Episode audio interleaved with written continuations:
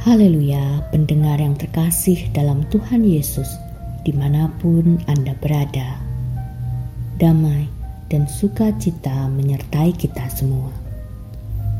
Renungan sauh bagi jiwa yang disajikan gereja Yesus sejati berjudul Berbalik kepada Tuhan.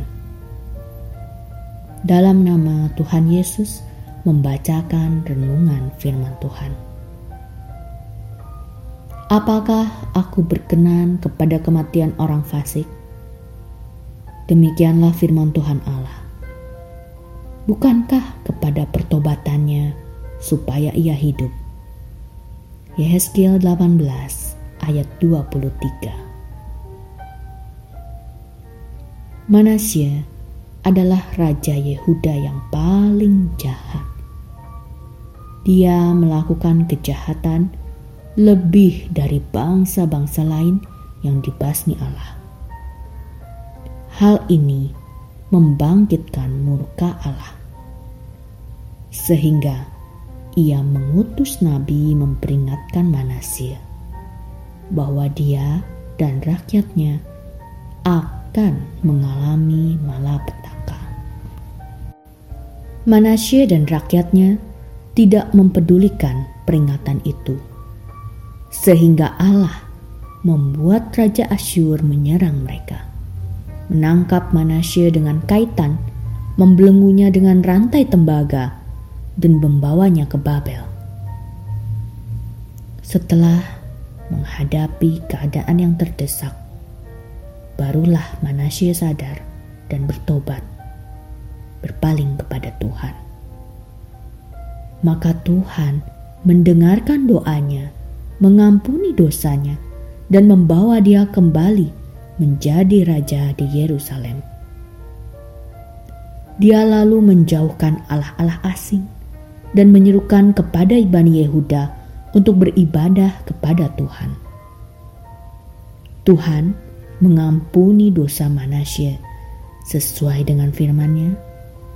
Tetapi, jikalau orang fasik bertobat dari segala dosa yang dilakukannya, dan berpegang pada segala ketetapanku, serta melakukan keadilan dan kebenaran, ia pasti hidup. Ia tidak akan mati. Segala durhaka yang dibuatnya tidak akan diingat-ingat lagi terhadap dia. Ia akan hidup karena kebenaran yang dilakukannya.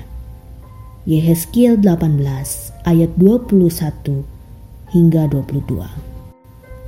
Sebaliknya, Salomo pada awalnya sangat berkenan kepada Tuhan dan diberkati Tuhan dengan hikmat, kekayaan, dan kemuliaan yang sangat besar, lebih dari semua raja lain.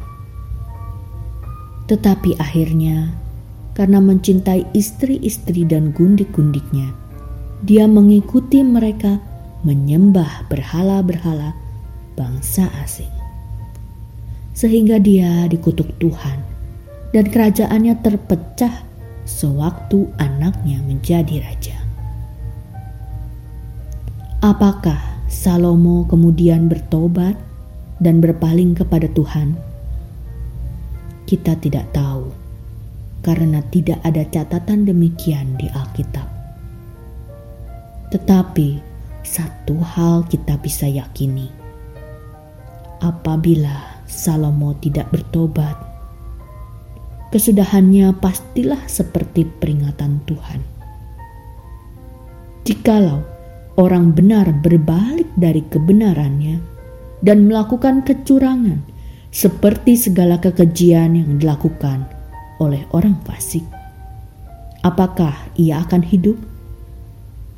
Segala kebenaran yang dilakukannya tidak akan diingat-ingat lagi ia harus mati karena ia berubah setia dan karena dosa yang dilakukannya. Yehezkiel 18 ayat 24 Sangat disayangkan, di masa tuanya, Salomo tidak bisa menahan diri. Hari ini, kita yang percaya kepada Tuhan hendaklah menjadikannya sebagai peringatan ingatlah akan peringatan Tuhan. Jangan lakukan kesalahan seperti yang dilakukan Salomo. Memang Tuhan Allah mengasihi kita, bahwasanya selama-lamanya kasih setianya. Namun, Dia juga Tuhan yang adil, yang akan membalaskan setiap perbuatan manusia. Jangan beranggapan orang yang berbuat jahat dapat luput dari penghakiman Allah. Lebih-lebih, jangan menghina kasih setia dan kesabarannya. Karena kasih Tuhan ia menunda penghukuman, berharap orang bertobat jadi, jangan diartikan Tuhan membiarkan kejahatan dan pilih kasih terhadap orang jahat.